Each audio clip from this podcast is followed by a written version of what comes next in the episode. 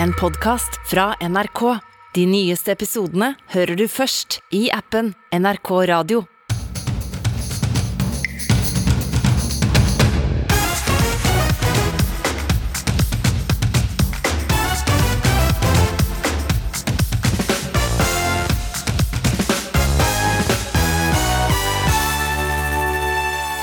I dag våkna du kanskje til nyheten om at den eneste broa mellom Krimhalvøya og Russland brenner.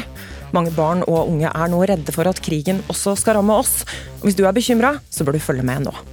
Jeg skjønner at barn og unge er bekymret for det som skjer i Ukraina. Men det er ikke en fare for en tredje verdenskrig som trekker hele verden med i krig. Ikke lov med alko i boblebadet eller ligging i køyesenga. Det er ikke bare strømprisene som stresser hytteeiere på høstferie. Det skal du også få høre i Ukeslutt i dag. Og når mødre i overgangsalderen og tenåringer møtes, blir det hormonell krig. Pappa Christian Pedersen lever farlig, men har lasta ned en mensapp som hjelper ham i kryssilden. Hun sjøl sier da at eh, da har hun sterkt behov for å drepe meg, liksom. Hun knytter liksom, ser på meg med et sånt blikk som gjør at jeg valgte å laste ned den, den Flow-appen.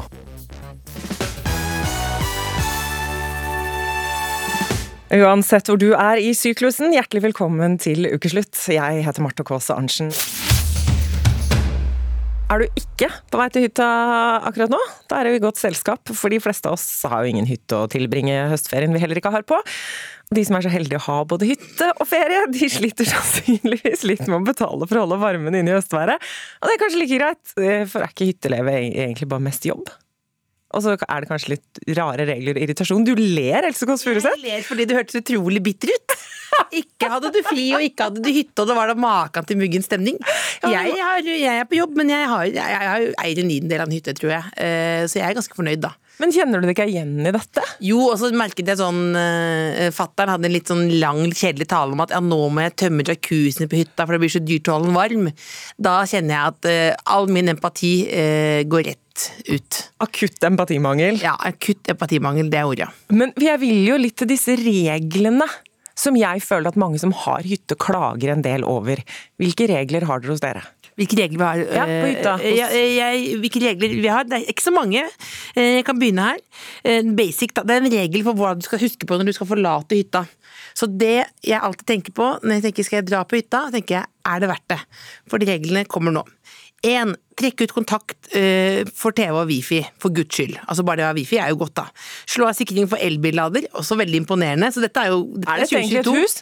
Ja, nei, det er ikke, nei, det er ikke det. Uh, det er ikke det, For det kom utedos var fram til i fjor. Uh, slå av varmtvann. Trekk for alle gardiner, da vender vi alle, Else. Slå av utevarmen, tre utropstegn. Slå av sikring for komfyr, to utropstegn. Juster ned gulvvarme på badet, ett utropstegn.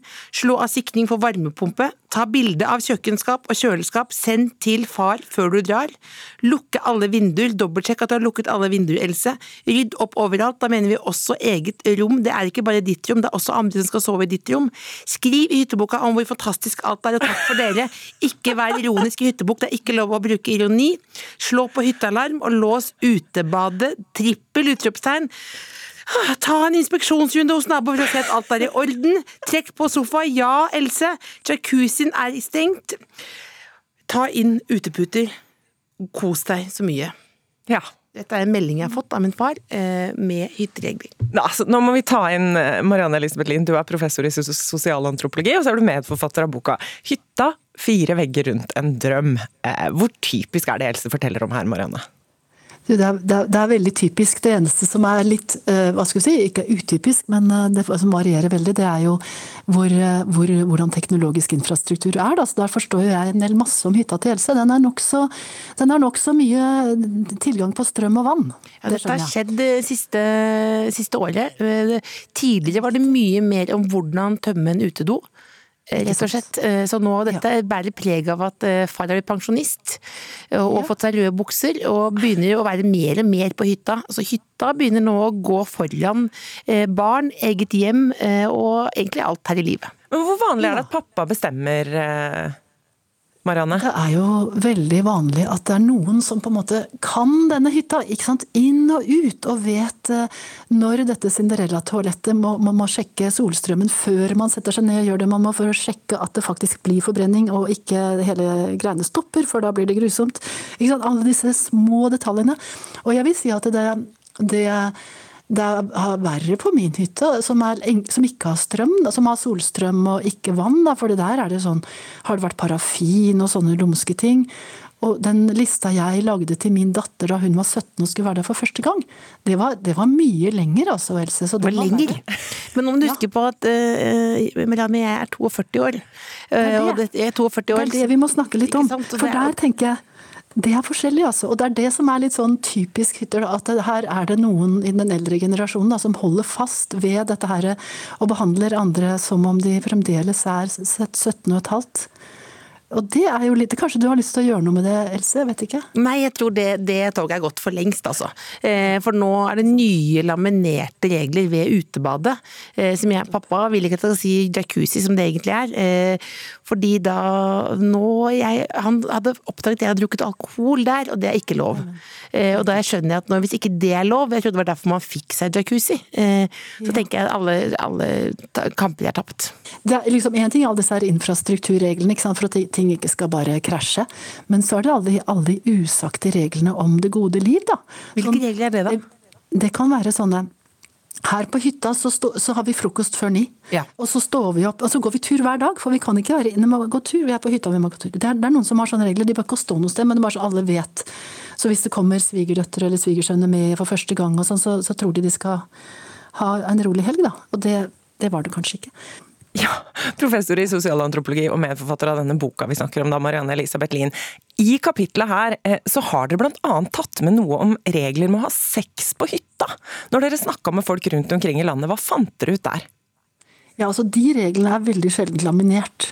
Eh, de, de, er, de, er, mer sånne regler som, som, heller ikke uttales eksplisitt, men som man kanskje bare vet, eller som, som man, eh, man, blir klar over når de på en måte brytes. da. Det gjør man ikke, det burde dere bare ha skjønt. At det skulle dere ikke ha gjort. ikke sant? Eller, men det er veldig mange måter å se det på, akkurat, akkurat på det området med hvordan man, eh, hvordan man lever intimt med hverandre. Da. Så er jo hytta et litt vanskelig sted. fordi i, eh, i, hjemmene våre så har vi jo organisert slik at de mest private og intime tingene de foregår ofte i avlukkede rom, til litt avsondrede tider. Mens på hytta så deler vi jo sted og tid, på en måte. Eller altså, du kan si Hvis man er voksen, da, Else, så vil du helst ikke dele seng med din egen far. Nei, det, vil jeg ikke. Jeg er veldig for åpenhet. Der stopper det. Der stopper det. Der stopper det. Ikke sant? Men du gjør, du gjør kanskje det på hytta, men du har et, et, et sånn eh, tøyvask, altså en, en klesvask imellom, og noen uker. Men likevel kan det føles litt rart, da. Eh, at den sengen skal brukes til ditt sexliv og din fars sexliv. Og sexliv og bare det du sier nå, for min del er langt over grenser nå. Jeg vil bare si jeg har aldri hatt sex på hytta. Eh, det er ikke pga. noen regler, men jeg har ikke hatt noen mulighet til det i det hele tatt. Marianne, hva er de rareste historiene rundt hytteregler som du har å by på fra boka di? Jeg vet ikke, det, det, jeg syns variasjonen er det morsomste. Fra liksom at sex er noe vi ikke altså Det kommer ikke opp i intervjuer, det snakker vi ikke om, det, det, er, ikke, det er ikke tema. Til liksom ja, så morsomt, da. Når, når, når første gang tenåringssønnen min var på hytta, så fant jeg en brukt kondom under sengen. Så gøy! Den limer vi inn i hytteboka Nei. som et minne. Nei. Jo, det, det, er gøy. Altså, Mener du det? Og det tenker jeg, det er jo veldig fint. Altså, det, er, det går an å, å tenke liksom litt avslappet på disse tingene, og, og syns det er litt morsomt og søtt. Og så blir han skikkelig flau. Forferdelig flau, ikke sant. Men det blir han jo når han er Men så blir han voksen, og så syns han ikke er så flaut likevel. Så det, sånn, sånn det er vi ikke Den svarte jeg ikke på spørsmål om regler. Men, men jo, du sier at, at det alle gjør, de driver jo ligger rundt på hytta, det er det du sier? Du, eh, det forekommer, Else. Det, det, det. forekommer. Altså det, hva, ja, hva jeg lærer, hva jeg lærer. Ja, gjør det. Tusen takk til Else Kåss Furuseth og til Marianne Elisa Bøttelin. Og da har vi vel alle eh, fått noen tips om hva vi kan skrive i hytteboka, kanskje? Jeg har lyst til å, å dra på hytta til Marianne, jeg, ja, rett og slett. Du er veldig velkommen. Tusen takk. Hormonell krigføring. Smak litt på det. Det er det som skjer hjemme hos deg når tenåringsbarnet og den overgangsaldrende mammaen støter mot hverandre med så voldsom kraft at du får litt lyst på skyttergrav i stua. En ny dansk bok, Den lille håndboka om håndtering av vanskelige foreldre, hevder nemlig at foreldrene kan skylde seg selv for denne situasjonen. De har jo venta så lenge med å få barn at de er i overgangsalderen når barna blir hormonelle.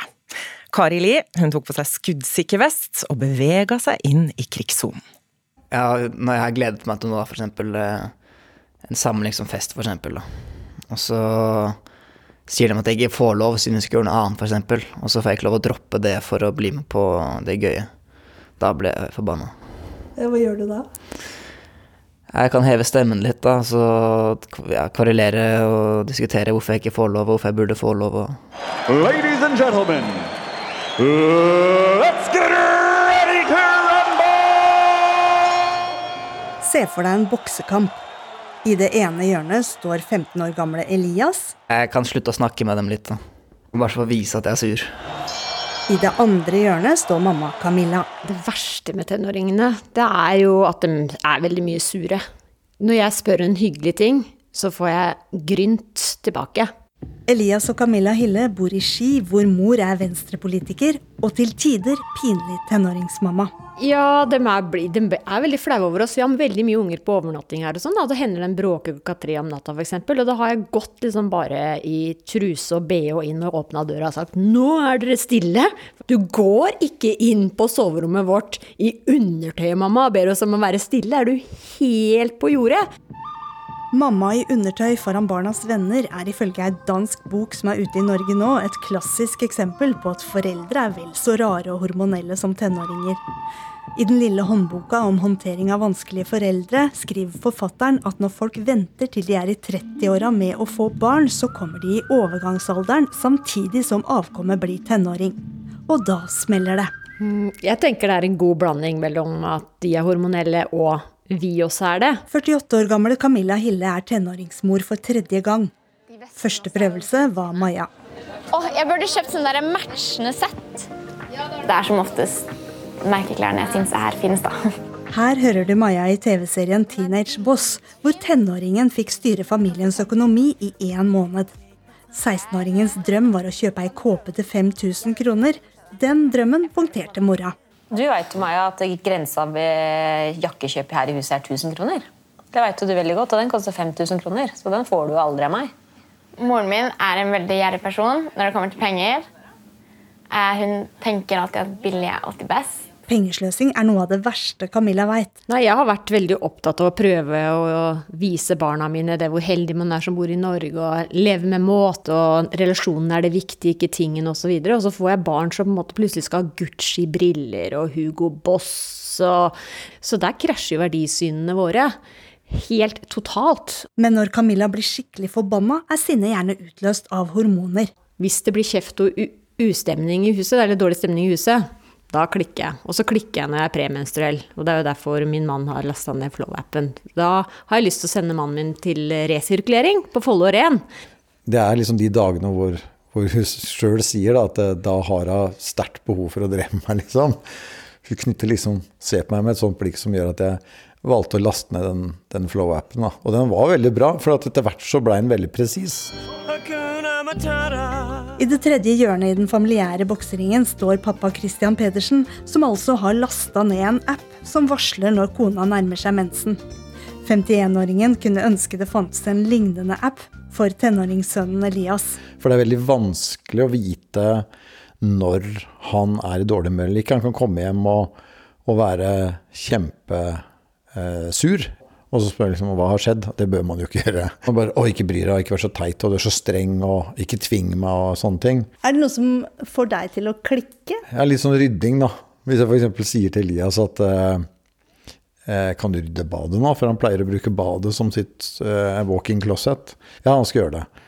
Og så går det én dag, og så nevner jeg det igjen dag tre så går jeg og sier 'nå gjør du det', og da blir jeg sinna. Og så er det fort å si at du er en dust, eller 'åh, drittunge', eller 'du er håpløs', eller 'åh, jeg orker ikke mer av deg'.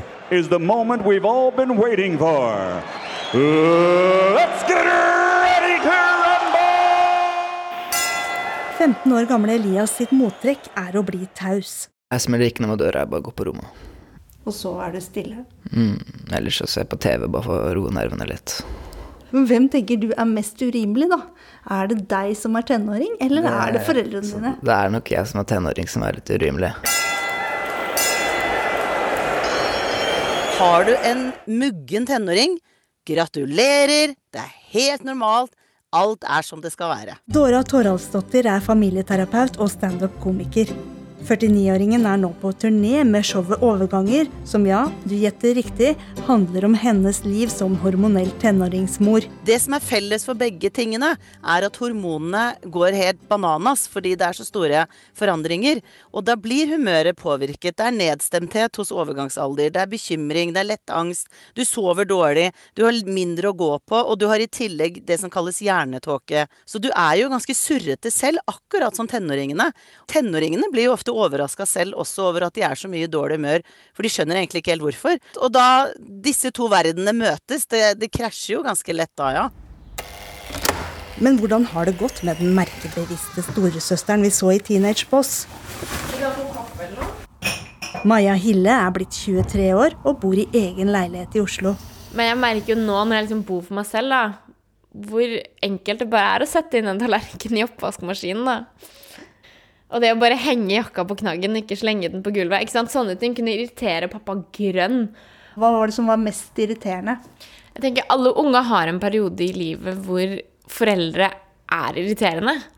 Og mamma er et menneske som Hvis jeg hadde venner på besøk, så skulle hun komme inn og, og liksom være der og høre hvordan det gikk med vennene mine. Og, og hun hadde en sånn rumpedans da, som hun absolutt måtte gjøre, for hun visste at det irriterte.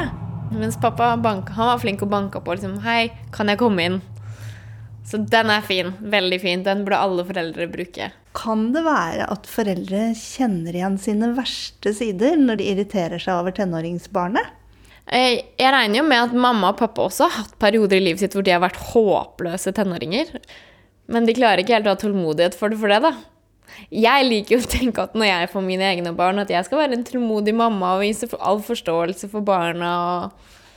Men eh, får se når den tid kommer. Akkurat nå har 400 000 norske husholdninger alvorlige pengeproblemer eller sliter økonomisk. Det viser tall i en ny rapport fra Forbruksforskningsinstituttet, SIFO. Turi Foss, du er familieterapeut, mamma til tre, og ble psykisk syk over å ha engsta deg for dårlig råd og for usikre framtidsutsikter. Og det begynte med at mannen din ble arbeidsledig. Hva var det som skjedde? Vi hadde allerede vært igjennom en periode med vanskelig økonomi. Jeg syns vi hadde jobba beinhardt begge to og kommet oss igjennom. Eh, endelig hadde vi klart å kjøpe bolig. Eh, og hverdagen kjentes trygg. Jeg var veldig letta. Så når jeg skjønte at mannen min kom til å miste inntekt, så var jeg dårlig rusta til å takle det. Det var som å ha kommet i mål etter et maraton og så bli sendt ut på nytt. Ja, hvordan hadde du det da? Nei, jeg, jeg husker det som at det var et slags altoverskyggende teppe som la seg over meg, og som prega hele tilværelsen. Det var en opplevelse av å miste kontroll. Og det var en opplevelse av å befinne meg i en slags uløselig situasjon. Så kan du jo si at det, det finnes jo løsninger. Det, jo, det går jo an å flytte, det går an å selge bolig og flytte. Og det var jo løsninger vi ofte tenkte på, trodde vi måtte. Jeg begynte å forberede barna mine. Jeg syntes det var vanskelig å vite hvor mye jeg skulle involvere det, men jeg tenkte jeg, jeg trodde vi måtte selge huset og flytte. Så jeg begynte å forberede dem, og jeg husker så godt den eh, eldste min som gikk, var tolv, gikk fortsatt på barneskolen. Hun sa da ja, greit det, vi kan flytte, men jeg skal ha med læreren min og hele klassen. Til slutt så blir du altså så dårlig at du blir innlagt med en akutt psykose. Hvordan var det? Og, nei, det var eh, dramatisk. Eh, jeg husker det som veldig skremmende. Kan du si noe om du husker en spesiell hendelse fra, fra psykosen? Ja, jeg husker veldig godt at jeg eh, maste og maste om å få Aftenpostens boligbilag. På den tida så var, hadde Aftenposten sånn eh, innimellom mange mange sider med boligannonser som jeg da maste og maste på å få tak i. Og jeg husker godt at jeg satt og bladde gjennom disse boligannonsene og lette desperat etter å finne en slags løsning. mens som jeg trodde jeg fant, og så glapp det, og så trodde jeg jeg fant den, og så glapp det. Så ja. Så du lette etter økonomiske løsninger for familien? Ja, jeg tenker at det var det temaet som utspant seg da. Og jeg tenker det er jo ikke tilfeldig at det var en av de første forestillingene i min eh, psykose var handlet, handlet om bolig. Tror du du hadde blitt syk hvis dere ikke hadde fått det vanskeligere økonomisk? Nei, det tror jeg ikke. Jeg tror det var det viktigste bakteppet og viktigste årsaken eh, for at jeg ble psykisk syk eh, den gangen. Og så, eh, for, og så er det jo sånn at økonomiske bekymringer det avstedkommer jo andre problemer og bekymringer. Jeg og mannen min vi takla dette veldig forskjellig. Så vi kom inn i et samspill som eh, var eh, til dels ganske uheldig. Vi hadde ansvar for flere barn sammen, så dette også ble jo noe som la seg oppå. Eh, og, så jeg tenker jo at hele, hele Det var totalbelastningen og som hadde vart over tid, som en dag plutselig ble for mye. Det fortalte også Turi Foss, som ble innlagt med akutt psykose etter at familien havna i en økonomisk krise. Hun er helt eh, frisk i dag, og hun slet heller aldri med, med selvmordstanker. Men det er det mange andre som sliter økonomisk eh, som gjør. Sammenhengene de har funnet eh, i mange land, på tvers av ulike metoder. Men i regjeringens plan for selvmordsforebygging så står det ingenting om risikofaktorer som fattigdom, økonomisk trøbbel og stor gjeld. Og det reagerer du på, universitetslektor og psykologspesialist eh, Ingvild Stjern Tisløv. Du har skrevet en kronikk om dette i Dagens Næringsliv. Regjeringen har jo innført en plan med nullvisjon for selvmord i Norge. Og det er åtte departementer som har vært med på å utarbeide den. Hvorfor er ikke det bra nok? Må jeg først si at Det er utrolig godt å se at så mange departementer klarer å jobbe sammen. Eh, det jeg og Arne Holte påpekte i vår kronikk, det var at vi savna Finansdepartementet. Eh, og det er rett og slett fordi at 50 eh, av de som begår selvmord, de har ingen kjent psykisk lidelse. Det betyr ikke at de ikke sliter psykisk, eller at de ikke kan ha vært psykisk syke. Men det kan også bety at det er andre faktorer som gjør at de velger selvmord som en utvei, enn at de er syke.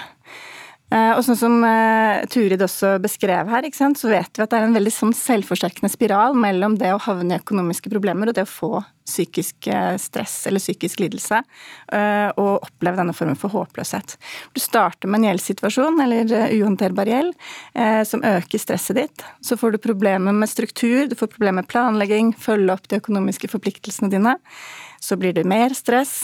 Eh, som igjen kan utvikle seg til sykdom. Og så vil det få konsekvenser kanskje for jobbsituasjonen din, familiesituasjonen din og nettverk.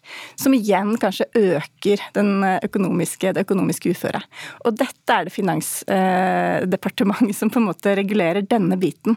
Derfor tenker vi at det er viktig at de også er med inn eh, i en sånn form for selvmordsforebygging. Hva er inntrykket ditt av hvordan den generelle kunnskapen om sammenhengen mellom økonomiske vansker og psykisk helse er eh, i helsevesenet?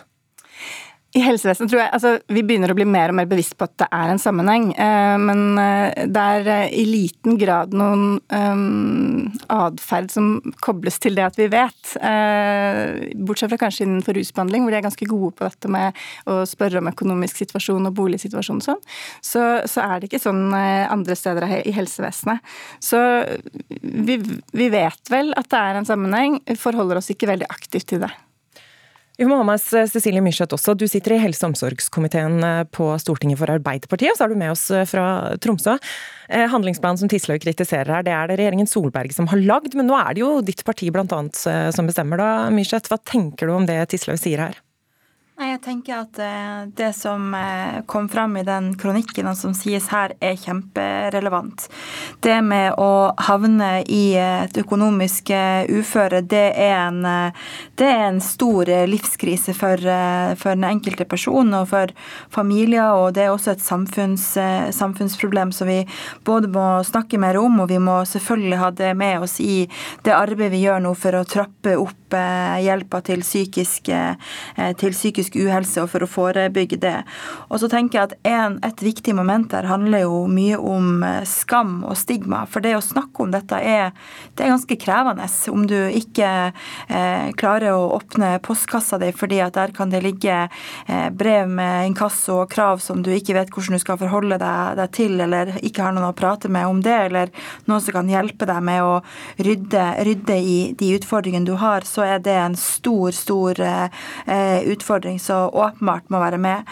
Og så tenker jeg at eh, dette må selvfølgelig være tema når vi nå jobber med vår eh, plan for å opptrappe, opptrappingsplan for psykisk helse, men jeg tenker jo samfunnsmessig òg. Denne finansministeren i hvert fall tar i hvert fall inn over seg utfordringen som sosiale forskjeller og ulikhet gjør i samfunnet, og det har vi med oss i alle, alle politikkområdene som vi jobber med nå. Og ikke minst er det, er det veldig viktig den tida som vi står i nå, hvor, hvor vi har krevende økonomiske tider, hvor Eh, men det er mange, mange usikre ting som, som, er framfor oss, med rente og en del andre ting. Så dette må vi være veldig bevisst på. Så jeg ønsker den kronikken og de tankene eh, veldig velkomment. Tisløv, skammen som, som Myrseth eh, snakker om her, spør dere som er terapeuter og psykologer om økonomiske problemer i behandlingsrommet?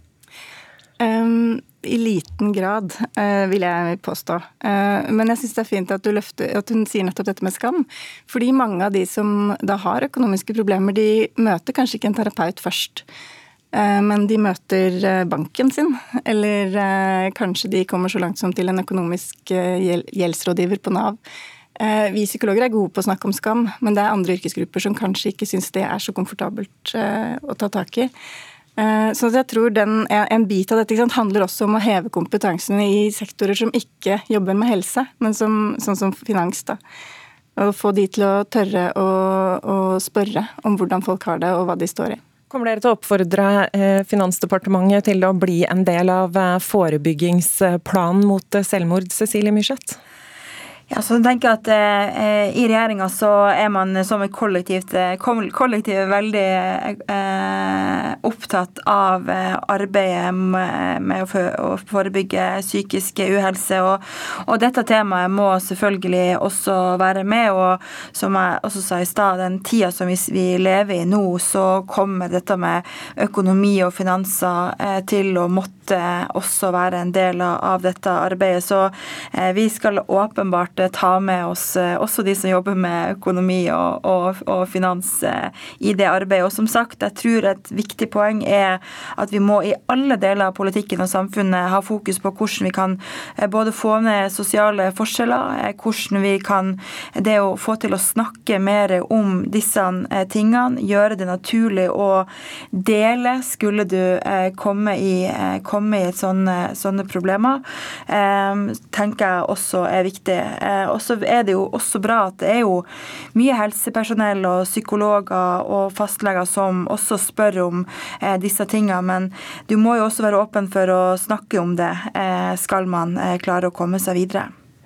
Veldig kort til slutt, eh, Tisla, er du fornøyd med det Myrseth sier her? Jeg tror det må være en systematikk i dette. Og så tenker jeg at også som eh, Barne- og familiedepartementet som er ansvarlig for gjeldsordningen, så er jeg opptatt av at dere også ser på den ordningen. For det er altfor vanskelig å få gjeldsordning, og for de som får det, så er det ingen skreddersøm. Så det må bli mitt siste ord. Det var en oppfordring til slutt eh, fra Ingvild Stern Tisløv, universitetslektor og psykologspesialist. Takk også til Cecilie Myrseth i helse- og omsorgskomiteen for Arbeiderpartiet.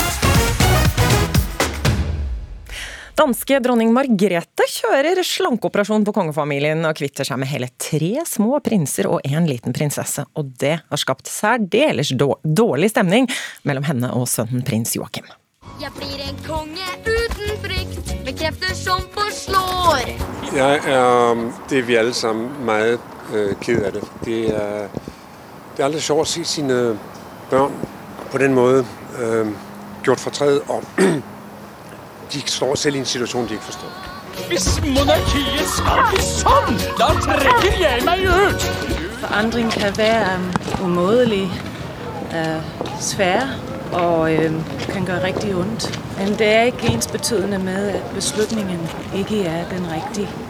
Vi kommer også til at se på vores barns titler til, når den tid kommer. Ja. Blir ikke noe majestet på noen av de der, der, men fra og med 1. januar så må altså de fire barna til Danmarks prins Joakim nøye seg med å bli titulert med greve- og grevinnetitler. Og skal vi også tro kronprinsesse Mary, som vi hørte i opptaket her, så er det flere rojale titler som skal fjernes etter hvert. Da er det bare å ønske velkommen til ukeslutt til kongehusekspert Karoline Vagle fra Se og Hør, og til Roger Øversveen fra Her og Nå. Før vi går nærmere inn på mer slanking, hvordan tror dere stemningen er i det danske kongehuset akkurat nå, Karoline? Ikke spesielt god. Det har rett og slett vært en offentlig skittentøyvask. Eh, som overraska meg stort at de ikke klarte å ta på, eh, på kammerset istedenfor at det skulle bli så eh, offentlig. Eh, de har jo uttalt sterkt at de er lei seg og skuffa og føler seg utafor. Eh, både prins Joakim, hans nåværende kone og ekskona samt den eldste av disse barna. Så ikke god stemning. Nå har jo Margrethe kommet på banen og bedt om unnskyldning, noe som også er ganske uvanlig å komme med sånn offisielt. Jeg tipper hun angrer på at ikke hun tok den prosessen innenfor Slottets fire vegger. Ikke sant. Men hvorfor er det så ille å gå fra å være prinsesse til å bli grevinne, da, Øversveen? Nei, jeg syns ikke det er ganske Når, når han sier at, prinsen sier at han prater de, sin plikt, egentlig ordentlig jobb, så tenker jeg dette er jo ikke så ille. De er jo fortsatt i arverekken, og de er grevinne, og de har det bra. Og jeg tenker i forhold til Vi ser jo at det er flere prinser og prinsesser som har kombinert jobb og tittel, ikke hatt særlig suksess. Prins Harry, eh, vår egen prinsesse Märtha og prinsesse Madeleine. Så det, jo, så det er jo, litt sånn at eh, Jeg skjønner ikke helt problemstillingen. Eh, og jeg skjønner jo godt at eh, de vil nedskalere kongehusene og gjøre det sånn at det blir mindre, da. Både praktisk og økonomisk. Ja, for Nå sier jo ryktene at både nyslåtte kong Charles og svenskenes Carl Gustav snuser på den samme slankeoperasjonen. Hvorfor er de så opptatt av å fjerne disse titlene, Vagle? Du, eh, det er rett og slett sånn at jeg tror de ønsker å modernisere kongehuset. Det blir for stort, og det koster for mye. Det blir for mange prinser og prinsesser. Det er ikke nok å gjøre for alle sammen. Og hvis man skal eh, fortsatt la det være aktuelt, så tror jeg de er helt nødt til å slanke kongehuset. Carl Gustav har jo allerede gjort det med barnebarna, men han har bare tatt bort eh, hennes og hans kongelige høyhet, ikke prins og prinsesse. Ikke sant? Eh, og, og det venter at Charles også vil gjøre det. Eh, Nå tror jeg at, eh, Apropos det du og, og Roger snakka om, så tror jeg det er vanskelig for oss som ikke har titler å skjønndelt. Men, men, det har noe med identitet å gjøre. Det er det de er født og vokst opp med. Det er på en måte Hvis noen skulle si at du får ikke lov å hete det du heter Altså, hvis vi skal klare å se i sammenligning. Så det, jeg tror det er noe vi ikke helt kan forestille oss hvorfor de blir så lei seg av det. At det er ikke bare jåleri. Dagsavisen skriver i dag at det er døtrene til prins Andrew og Sarah som, som må lide samme skjebne i England, eventuelt Øversveen. Hva tror du om det? Ja, og det ville vært naturlig, for du ser at barna til eller prinsesse Anne og prins Edward de er jo grevinner og grever. Så det er jo naturlig at også det skjer, med de. Og jeg tenker også at det er heller ikke naturlig at barna til prins Harry nå får noen tittel, sånn som de gjerne ønsker, både han og Meghan. Men jeg tror at det ikke kommer til å skje. Hva har eventuelt Charles lært av dronning Margrethes oppførsel i den forbindelse, da, Vagle? Nei, altså, han har jo for så vidt erfart sjøl at familiemedlemmene tar ting i media istedenfor innad, men jeg tror de alle har noe å lære med å, å sitte og snakke ut hjemme før de går ut i media. Ja. Det er det som er oppsiktsvekkende med i Danmark, syns jeg. Ikke var beslutningen, men at, hun, at det ble bråk Altså offentlig. Ut, ja. ja. Mm. og så har det ikke vært bare harmoni her i landet i det siste heller. En Norstat-undersøkelse i forrige uke som viser at 51% mener at Märtha bør slutte å representere kongehuset. Hva tenker dere om det? Altså, her ser man jo nettopp eh, eksempelet i praksis. Når eh, ei prinsesse Hun er jo tatt fra Hennes Kongelige Høyhet for mange mange år siden, har ikke apanasje, men representerer bitte litt. Allikevel så blir det trøbbel. Nå har jo hun valgt en ganske alternativ yrkesvei, da, men, men det er et eller annet med, som dronning Margrethe sa, at grunnen til at hun vil ta bort disse titlene, er for at de skal få lov å stå friere til å gjøre hva de vil. Og det er klart at de snakker på tvers av landegrensen, sånn at eh, noe lærer de av hverandre. Men med prinsesse Marte Louise er det jo helt tydelig at den undersøkelsen, viser at folket ønsker at det skal være større avstand eh, mellom hun og resten av familien. Så er det nok litt eh, sett i lys av alt som skjer både i England og i Danmark, og at man blir mer bevisstgjort det. Mm. Men vi får se. Hva tror du, Øversveen, kommer eh, Märtha til å få bli prinsesse i all overskuelig fremtid? Ja, men Der kommer den problemstillingen at kongen er både konge og pappa. Eh, Og Det er jo det som er problemet, og- det er jo det som eh, gjorde det vanskelig i Danmark òg. For hun må jo da tenke som dronning, og det hun sa, at hun tenkte mer som dronning enn som mor da hun tok den beslutningen. Eh, og det da ble det tatt ille opp, da. Men eh, som Karoline sier, hun burde ha tatt den på kammerset først. Så hadde ikke det blitt det bråket. Og du ser at danskene generelt, de er jo enige med dronningen at dette er et smart trekk. Det er vel rett og slett eh, det kongen gjør, at han tar det på kammerset. Han har vært litt mer eh, eh, moderat i uttalelsene Ja, sine. Vet vi noe om hva som foregår på det kammerset der akkurat nå? Nei, det er jo bare sagt at de er i dialog. eh, og Men det var noe med et hemmelig møte og Ja da, de har sikkert, de har sikkert eh, mange møter og er usikre på hva de skal gjøre, men, men ettersom jeg har skjønt, så er det god dialog i den familien. I hvert fall var det det Märtha sa, at eh, de har fine samtaler eh, og kommer nok til å bli enige om noe. Så får vi se. Ja. Det får vi definitivt. Det er jo ikke det siste gangen vi snakker om trøbbel i europeiske eh, kongehus her i ukeslutt. Karoline Vagle, kongehusekspert i Se og Hør, og Roger Øversveen, kongeekspert i Her og Nå. Tusen takk for at eh, dere kom til ukeslutt. I dag våkna du kanskje til nyheten om at den eneste broa mellom russisk-okkuperte, den russisk-okkuperte Krimhalvøya og Russland brenner. Russiske myndigheter de sier at det er en bilbombe som er årsaken til brannen, og nå lurer alle på hvor sint Putin er. Sikkerhetssituasjonen i Europa er dystre greier for oss som er voksne, men hva i all verden skal du si til ungene? Vi har henta inn ekspertisen, men aller først så skal vi til Uranienborg skole, hvor reporter Ayan Aden hørte hva Johan, Emanuel, Philip og Milla tenker om det som foregår. Veldig mange barn i Norge kanskje som er litt små og kanskje har fått hørt om det, kanskje kan bli litt redde. Føler dere at dere trenger å snakke med noen om det å være redd for krigen i Ukraina? Kanskje ikke. Jeg tror det går fint. Nei, jeg vet ikke helt. Men hvem tror du du hadde prata med? Jeg tror mamma og pappa. Mamma og pappa, kanskje helsesøster og en lege. Eller vennene mine, kanskje. Hvordan vil dere at voksne skal snakke med dere om Russland? Jeg føler at eh, de kan snakke, men jeg føler ikke at de burde eh, snakke sånn skikkelig, skikkelig mye om det og overdrive, siden da blir det så litt kjedelig også å høre. Er dere redd for noe i forhold til krigen? Litt redd for at krigen skal starte her også. Nei, jeg er ikke så redd. Jeg vet at krigen ikke kommer til å begynne her, siden da kommer Nato. Det kan jo hende, da, at eh, krigen begynner her, men det tror jeg ikke. vi kommer til å vinne. Vi har med oss eh, Thea Stenstønes. Du er eh, 16 år og går på videregående i Ålesund. Og det er kanskje mange som hører på som så deg i debatten tidligere i uka. Hva er det du er redd for eh, når det kommer til sikkerhetssituasjonen i Europa akkurat nå? Uh, nei, altså, sånn som Savangene sa, det er jo bra at de på en måte ikke er redd. Men jeg er mer redd for at eh, vi kanskje Norge gjør noe feil. At vi blir mer innblanda i krigen, og at han har lyst til å gjøre noe mot oss også. Ja, Hva er det du og vennene dine snakker om da, når, dere snakker om dette? Um, jeg har noen venner der jeg snakker mye om krig, der vi kanskje diskuterer om ting vi har sett på eller vi har lest om på nyhetene, um, og TikTok. Det er mye diskusjon om sånt. da. Hva er det som dukker opp på TikTok da, da eksempel? Så på Debatten sa ekstremt masse dårlige klipp um, av kanskje bombing. Uh, du ser folk til og med som på en måte løper og skriker og er redd og snakker i, på, en måte på videoen at de er livredde og vil komme seg vekk og de trenger hjelp.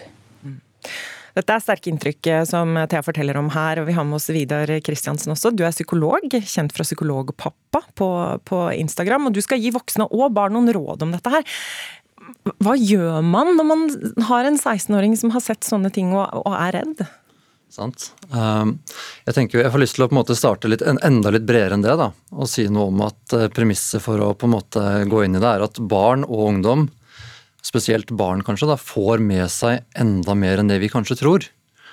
Uh, og jeg er jo veldig for at vi skal klare å snakke med barna og ungdommen på en alderstilpassa måte, da. Vi, ta, vi, vi, skal ta mer om hvordan vi snakker med ulike aldersgrupper eh, ja. etter hvert, eh, Vidar. Ja. Men vi har, vi har, nemlig litt håp, både Thea til deg og til Vidar og til deg som hører på. Det kommer her, for reporter Linn Beate Gabrielsen. Hun bestemte seg for å jakte på alt som tyder på at det ikke vil bli krig i Norge. Europa står eh, nærmere tredje verdenskrig enn noensinne siden den forrige verdenskrig. Nærmere tredje verdenskrig enn noensinne. Nærmere tredje verdenskrig enn noensinne. Det er mørkt, det som formidles om Russland og krigen i Ukraina, og mange er bekymra. Men filosof Einar Duenger Bøhn ved Universitetet i Agder sier det handler om å se håpet. Rett og slett så lenge det er rom for tvil, så kan du håpe. Så Det betyr at jeg kan tro at det blir krig, men håpe at det ikke blir det. For med håp åpner det seg nye dører. Men hvis du fokuserer på håpet ditt, så ser du mer i retning også av det du skulle ønske er tilfellet. Og da kan du se andre ting. En ekspert som framstår som positiviteten selv, er Tormod Heier, professor ved Forsvarets høgskole. Klarer han å se det positive i denne situasjonen? Ja, det er uh, ingen grunn, tror jeg, til å tro at uh, Russland skal uh, starte noen nye kriger. Og det er rett og slett fordi at sett i sammenligning med Vest-Europa og USA, så er og blir Russland en mygg både militært og økonomisk, men også diplomatisk. Men denne myggen har jo atomvåpen, og det skremmer mange.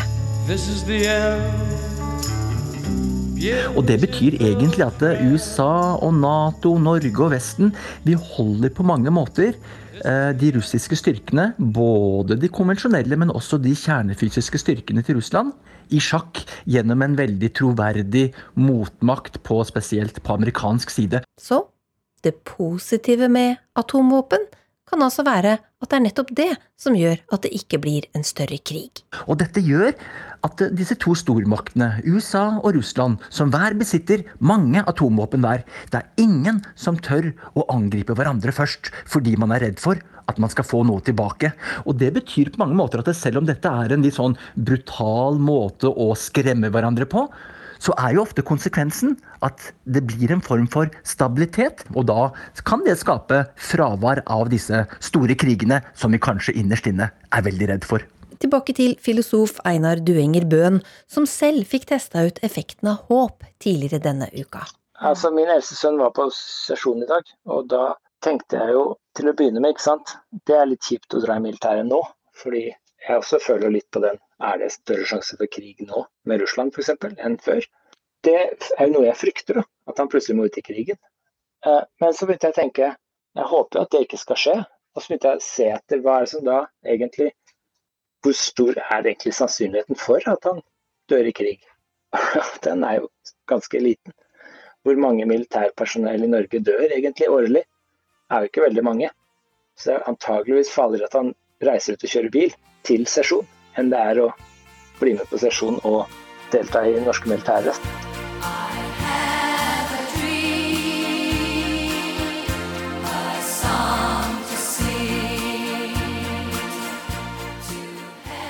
Thea Stensønes, du har fortsatt med oss og har hørt eh, en håpefull reportasje fra Limbe Beate Gabrielsen.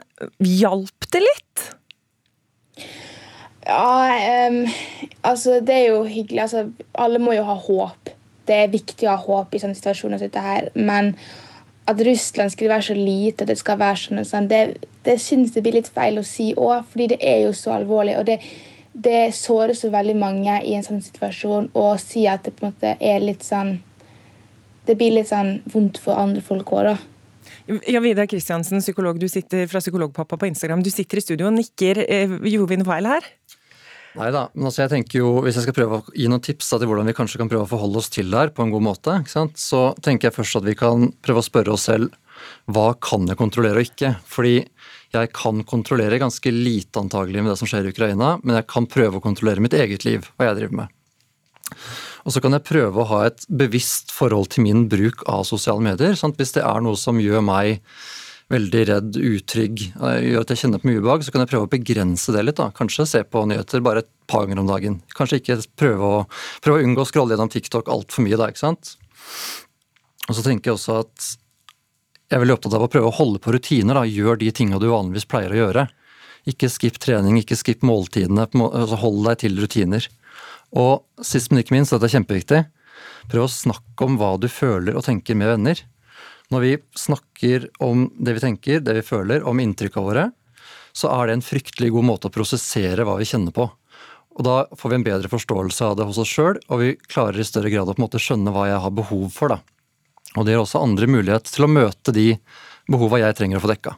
Hva tenker du om rådene til psykologen Thea? Eh, det er kjempebra. Jeg er veldig glad i å snakke om ting, om veldig masse mine følelser og sånne ting. Det er en veldig fin måte å kunne reflektere sine egne problem.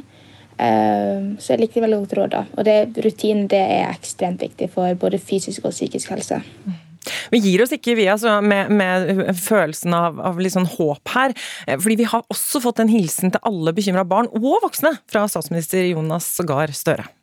Jeg skjønner at barn og unge er bekymret for det som skjer i Ukraina. Men det er ikke en fare for en tredje verdenskrig som trekker hele verden med i krig. Vi har et sterkt forsvar. Vi har sterke allierte i Nato, og vi skal arbeide aktivt for å forhindre at denne krigen sprer seg og når til oss. Men da må vi stille opp, gjøre det mulig for Ukraina å forsvare seg selv, og det gjør Norge. Ja, Nå har til og med statsministeren sagt at det ikke blir noe tredje verdenskrig. Eh, Thea, hvordan har du det inni deg nå? Det er jo på en måte betryggende, men samtidig så er jo, det er jo mye positivt og negativt med at vi gjør forskjellige ting, og vi er med på ting, og vi hjelper. Men eh, det er fortsatt betryggende da, å høre fra noen som er høyt oppe, som skal hjelpe oss, da, og si at det ikke er det. Thea Stensønes, 16 eh, år på videregående skole i Ålesund, og Vidar Kristiansen, psykolog. Tusen takk for at dere kom til ukeslutt. Gratis Prosecco-party med jobben! God idé, tenkte velferdsetaten i Oslo kommune, og brukte 22 000 kroner på vin til tolv ansatte. Aftenposten avslørte, og kommunen måtte tåle kjeft, men de er jo ikke alene. For det er mange ledere som gjerne byr sine ansatte på et glass vin, eller flere, når de samles på seminaret og til middag. Og Inger-Lise Hansen, generalsekretær i Aktis, en organisasjon som jobber med å begrense skadene ved bruk av bl.a. alkohol og narkotika. Hva er problemet med alkohol på jobbmiddag? Jeg tror disse oppslagene som vi har sett nå, eh, det har blitt en vekker eh, for mange om at vi trenger tydeligere retningslinjer for, for alkoholbruk i arbeidssammenheng. Um, og så tror vi at i tillegg så trenger man en revisjon av disse skattereglene som vi har. For sånn som det er per dags dato, så kan du um, egentlig eh, servere alkohol på jobben, også ved gaver osv., uh, uten at du egentlig betaler noe skatt for det, f.eks. Uh, men hvis du sponser de ansatte med trening eller telefon, så må jo arbeidstaker skatte av det. Og Det tenker vi er en litt sånn dårlig deal, fordi at alkohol er ikke en vanlig vare. Eh, alkohol medfører risiko for, eller økt risiko for 200 sykdommer. Eh, og vi har kostnader i samfunnet vårt på over 100 milliarder i året eh, knytta til alkoholbruk. Og ikke minst 300 000 personer i året eh, har lavere produktivitet på jobb som følge av alkoholbruk. Men Donatella De Poli, du er førsteamanuensis ved Institutt for ledelseorganisasjon på BI, og mm. du syns at en øl eller et glass vin med kolleger er viktig, du. Hvorfor det? Ja, så det må jeg bare si aller først at Jeg skjønner jo at uh, dette er et samfunnsproblem, uh, men jeg tror ikke akkurat det er ølen eller Proseccoen på jobben som gjør at folk har et overdrevent alkoholmisbruk, da. Uh, og så tenker jeg at uh, det er veldig mange andre utfordringer i dette landet. Og et av de er jo f.eks. sosial uh, omgang med andre på en lett, ledig måte. Ja, der har vi litt å gå på, mener du, eller?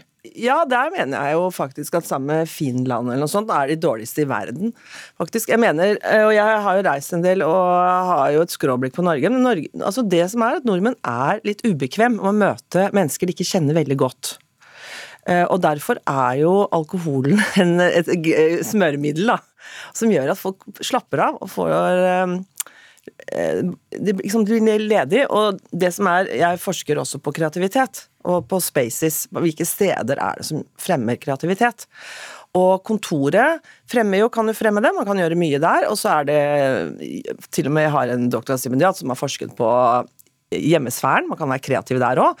Men det som viser seg å ha størst effekt, er jo faktisk sånne third workspaces, som er nettopp kafeer, barer. Ja. Uh, ja, det kan være flyplass, det kan være egentlig seminarsteder, hvor som helst.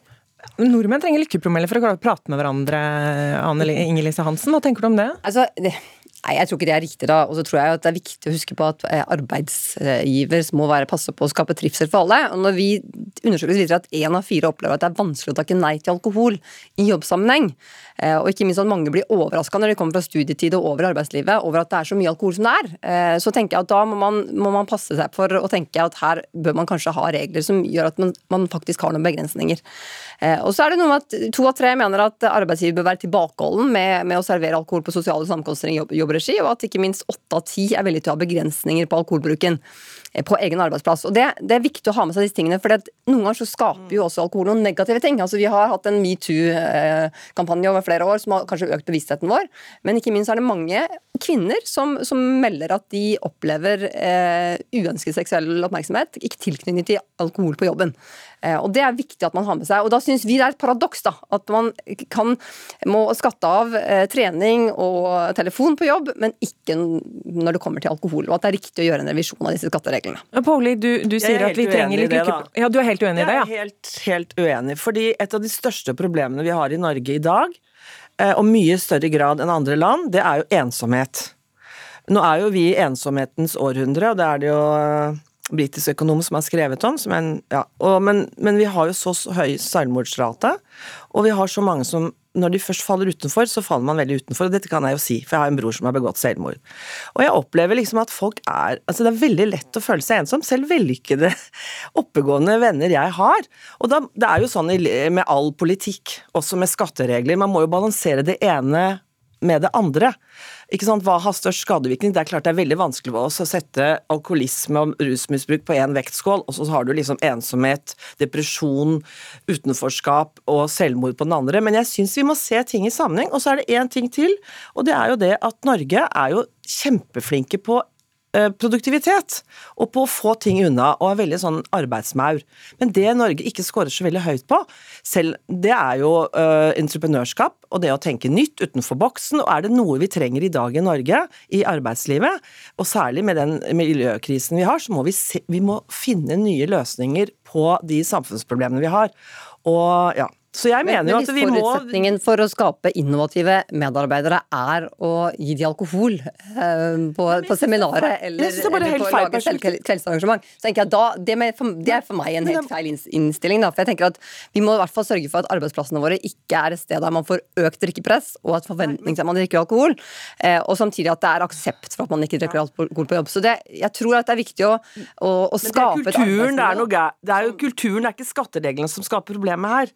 Og så er det viktig å minne på at fra norrøn tid så var jo dette med å servere alkohol en, en, en, en gest på uh, at man er vennligsinnet, og en uh, gjestfrihet. Det er jo noe som ligger i faktisk den historiske kulturarven i Norge. Um, og så tenker jeg at uh, det jeg tenker vi heller må tenke, er jo at man kan kanskje endre på regler. Man trenger ikke å kalle det fredagsøl. Fordi sånn som i Italia så går man jo ut etter jobben, og da Alle går man jo på bar. Ja, men da, da, kan du jo ta kaffe like mye som et glass alkohol. Jeg ser jo drikkepresset som du snakker om, og det er den norske kulturen, men det er ikke skattereglene eller Så jeg syns på en måte Jeg tenker at vi må oppmuntre til det, men det må være mer mangfold, for det er jo ikke bare de som er alkoholisert som ikke kan drikke alkohol. Det er jo muslimer, religiøse grunner, slankegrunner, ja, helsemessige grunner. Tusen takk for at dere kom til Ukeslutt i dag. Natella De Poli, førsteamanuensis ved Institutt for ledelse og organisasjon på BI, og Inger-Lise Hansen, generalsekretær i Aktis. Ja eller nei til kjønnsnøytrale toaletter? Meningene de er sterke, både i avisspaltene og kanskje på arbeidsplassen din. Det var definitivt uenighet utenfor toalettet på Oslo sentralbanestasjon. Kjønnsnøytrale toalett. med begge kjønn? Det er jeg fullstendig imot. Nei, altså Toaletten defineres ut fra hvilket kjønn man biologisk er, ikke hva man identifiserer seg som. Syns du at man skulle ha hatt eh, kjønnsnøytrale toaletter? Ja, det kan godt ha hatt. Jeg, jeg, jeg syns det er greit her. At vi kan gå på hvert vårt. Det går greit for meg. jeg er ikke så mye på sånne offentlige toaletter, men eh, det går helt fint for meg. Men jeg velger heller eh, å gå på dametoalett enn felles toalett. da. Ja, det er en skitten debatt som har gått i Aftenposten denne uka. Den handler både om mangelfull toalettbørstebruk, men også om inkludering og om mangfold. Vi må alle på do, men skal vi gå dit på tvers av kjønn? Ja, mener Mille Birkelund, som har blitt nekta inngang på dametoalettet flere ganger fordi hun ser maskulin ut. Eh, Da går jeg opp altså bakerst, eh, eh, bak de to venninnene mine. Hun ene går først inn, så går hun andre inn, og så skal jeg til å gå inn. Og så kjenner jeg at det er en hånd som tar meg ganske hardt på skulderen og drar meg rett ut. Millie Birkelund er en jente, men med kort hår og klær kjøpt på herreavdelingen. Og hun opplever ofte at folk ikke vil ha henne inne på dametoalettet. Det skjedde senest for noen uker siden, da hun skulle på do på et utested med noen venninner. Og så hører jeg en stemme som sier at du skal ikke være her, det her er dametoalettet, og så skal, nå skal du rett ut av det utestedet her. Eh, og da kjenner jeg meg ganske Jeg husker jeg kjente meg veldig liten. Eh, veldig ubehagelig, men samtidig så ble jeg ikke så veldig sjokka. Fordi jeg har, det har jo skjedd før.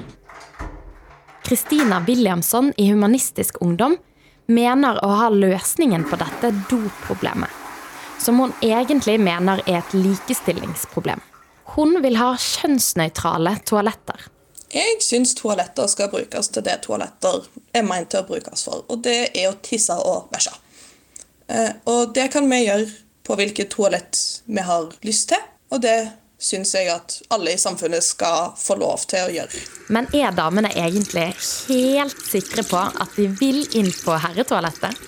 La oss si magasinet på Drammen. Der kommer jeg inn. Der, der er det først den lukten av sånn rar kaviar, siden det er sånn urin lukter etter hvert ved urinaler. Det er i hvert fall den lukten jeg assosierer, selv om jeg liker kaviar veldig godt. Omtrent sånn ser det ut på herretoalettet, skal vi tro Jack Chen. Han sitter på do hjemme i guttekollektivet sitt, som vanligvis ikke ser så veldig innbydende ut. Altså, Det så overraskende bra ut i dag. Jeg er litt sjokkert, egentlig. Men hvis du trekker opp toalettskåla, da, da, da ser det ikke så bra ut. Det er sånn flekker her og der, og det er litt sånn eh, litt ekkelt å se på. Guttenes grisete dovaner gjør at Jack tenker at kjønnsnøytrale toaletter er en dårlig idé. Menn trenger ikke å sette seg ned når de skal bruke toalettet. Og det problemet det medfører, er at menn, noen menn bryr seg ikke hvor de tisser, som fører til at det kommer piss på skåla, og overalt egentlig. Og da må kvinner sette seg ned på det etter hvert, og da, det er rett og slett uhygienisk. Og så er det det andre at kjønnsdelte toaletter funker som et beskyttende tiltak mot la oss si, ekle menn. La oss si du er ute på en nattklubb, så kan kvinner la oss si, gå inn på toalettet, og der får ikke noen menn lov å gå. Og som jente og en som er vant til et rent dametoalett, må vel Millie Birkelund synes at det er litt deilig å slippe tiss på dosetet og annet søl? Jo, det er jo absolutt greit å slippe det. Og så kan det hende at jeg er eh, litt naiv og kanskje litt for godtroende, men jeg har veldig tro på at om det hadde eh, kommet flere kjønnsnøytrale toaletter, så er det eh, så har jeg veldig tro på det at de som tar i bruk disse kjønnsnøytrale toalettene, vet godt selv hvem de er og eh, ønsker ikke å rote eller eh, gjøre noe skade der, skal til å si. Så jeg har veldig tro på at det kunne vært en veldig god idé. Uansett. Dass er dass. Men om dassen er for alle, får tiden vise. Enn så lenge spyler jeg ned, tar dobørsten i bruk og rydder opp etter meg på kvinnetoalettet. Reporter med eksempel til etterfølgelse, det var Ida Kloppen Gladisjak.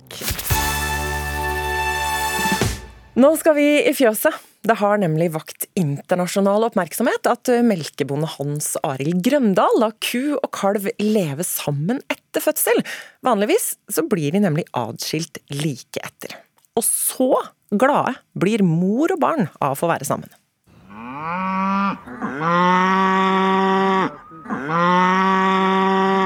Ja, Nå roper de på kalven. Nå må dere komme til meg, for nå veit jeg ikke riktig hvor du er hen, sier de nå. Og jeg har hatt busslaster fra Frankrike og Sveits og England. Amerika til og med. Jeg vet om flere som har vært her, og som har lagt om til ku og kalv etterpå.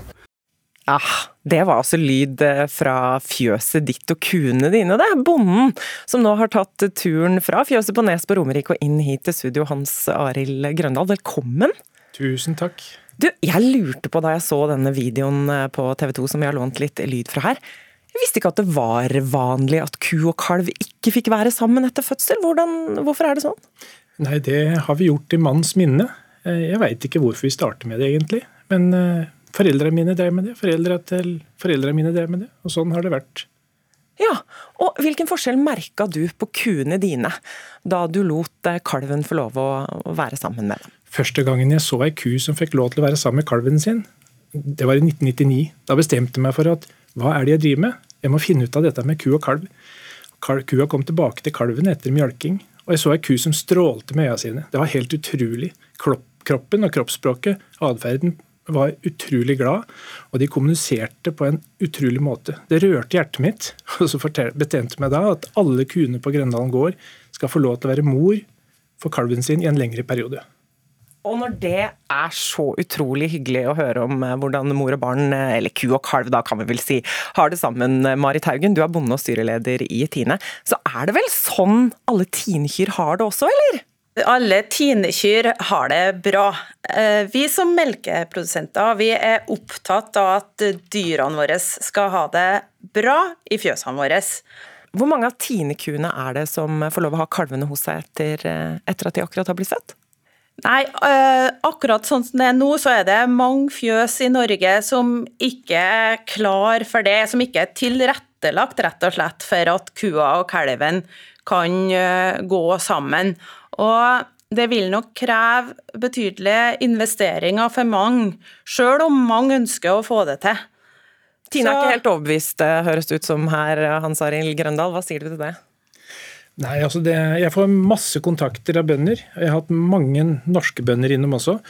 Og de vil ha inspirasjon til å legge om. Og det er mulig i veldig mange fjøs.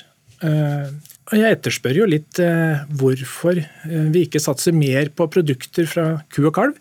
For å fortelle den historien hos oss da, om kua og kalven, så startet vi med vårt eget meieriprodukt i 2008. Altså ni år etter at vi la an til ku og kalv. Jeg eh, håper at Tine tar ballen og lager produkter, egne merkevarer, hvor ku og kalv går sammen. Ellers så får vi andre utenlandske aktører på banen i Norge. Og så er Tine langt bak i leksa. og Kommer aldri til å komme opp på den ballen igjen. Er du ikke redd for å havne langt bak i leksa, Marit Haugen? Nei, det er ikke, for det er mange muligheter her. Og jeg er opptatt av at all melka vår, alle Tine-produktene, enten om du kjøper melk, ost eller yoghurt, så skal det komme ifra dyr som har det godt. Det skal være, du skal være trygg på som forbruker at når du kjøper Tine-produkt, ja, da har dyrene hatt det bra. Og så er jo det at kua og kalven får gå i lag, det er én ting. Men dyrevelferd er så mye mer enn det. Og det, vi vil være gode på vi vil være gode på mange ting. Dyrevelferden for ku og kalv er god nok i, i Tine, sier Marit Haugen, selv om de ikke alltid får gå sammen med, med mamma Grøndal. Hva sier du til det kort avslutningsvis? Dyrevelferden er god, men den kan bli bedre. Og vi kan ha mangfold. Vi må ha mangfold. 900 meldinger fikk TV 2-reportasjen av forbrukere i Norge som ønsker sånne produkter og vil betale merpris for det. Så dyrevernmerket som er i Norge i dag, det må vi jobbe for. Vi må få Tine til å være med på ballen på et dyrevernmerke. Det må Norges Bondelag være med på. Og så får vi eh, glede. Vi får stolthet. Og så kan vi ta en skål i iskald råmelk. Kanskje kan den være iskald? Den kan være iskald. Den kan være iskald. Nydelig å drikke. Tusen takk til både Hans Arild Grøndal og til Marit Haugen.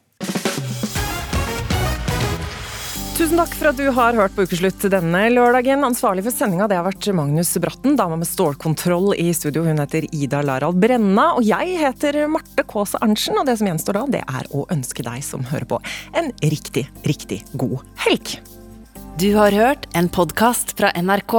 De nyeste episodene hører du først i appen NRK Radio.